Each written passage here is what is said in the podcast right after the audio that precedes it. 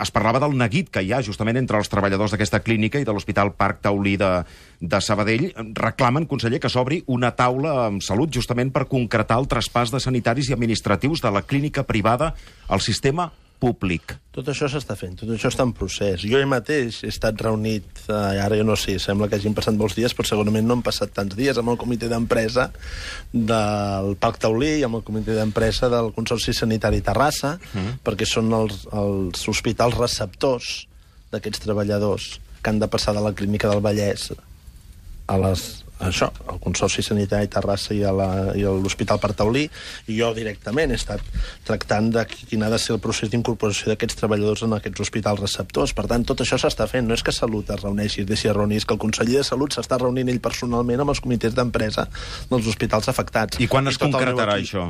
S'està, perquè és un procés llarg, és un procés que normativament té la seva complexitat i tot això s'està fent tots els passos, tots i cadascun dels passos que calen per garantir que a partir del 16 d'agost quan es traslladi l'activitat als, en els hospitals receptors, es traslladarà la persona les persones que avui fan aquesta activitat a la Clínica del Vallès es traslladaran amb l'activitat que fan avui el taulí i el consorci. Bé, recordem eh, que només arribar el conseller... Estem en comunicació, jo diria que és permanent, amb els treballadors de les dif dels diferents hospitals del Vallès. Eh, només començar, ja van anunciar l'exclusió de dos hospitals privats de la xarxa de centres públics, del CISCAT, la Clínica del Vallès i l'Hospital General de, de Catalunya. Vam anunciar que volíem reforçar el caràcter públic del nostre sistema sanitari, tal i com diu la LOSC. Eh, sí. Perquè la LOSC diu que tu només has de contractar proveïdors privats si els necessites, però si no els necessites perquè la feina que fan aquest proveïdor privat te la pot fer un hospital públic, la LOSC eh, que és la llei que va determinar el model sanitari català, diu que tu has de fer la feina preferentment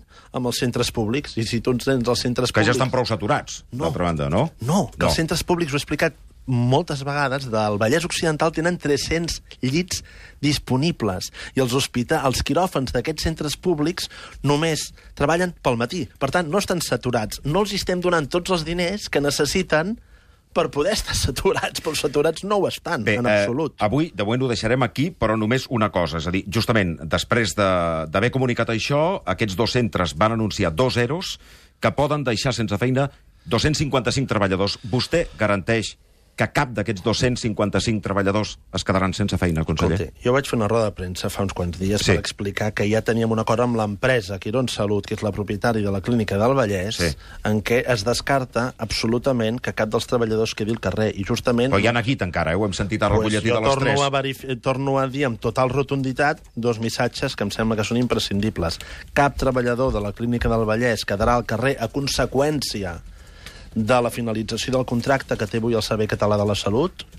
Cap treballador de la Clínica del Vallès quedarà al carrer a conseqüència de la finalització del contracte que té avui la Clínica del Vallès amb el Servei Català de la Salut, i així ho ha dit públicament amb un comunicat l'empresa, i així ho hem dit conjuntament el Departament de Salut i l'empresa, els treballadors, perquè a vegades hi ha hagut reunions conjuntes del Servei Català de la Salut i l'empresa amb el comitè d'empresa de la Clínica del Vallès, on se'ls ha dit de manera rotunda, però a part consta per escrit amb un comunicat de l'empresa, que no hi haurà cap acomiadament a causa d'aquesta finalització del contracte, i l'altra cosa que també vull deixar molt clara és que la traspàs de l'activitat de la Clínica del Vallès al Taulí al Consorci Sanitari Terrassa no li costa ni un euro al sistema sanitari públic. Al revés, la mateixa activitat la farem amb menys costos. Per tant, amb aquest traspàs estalviem diners.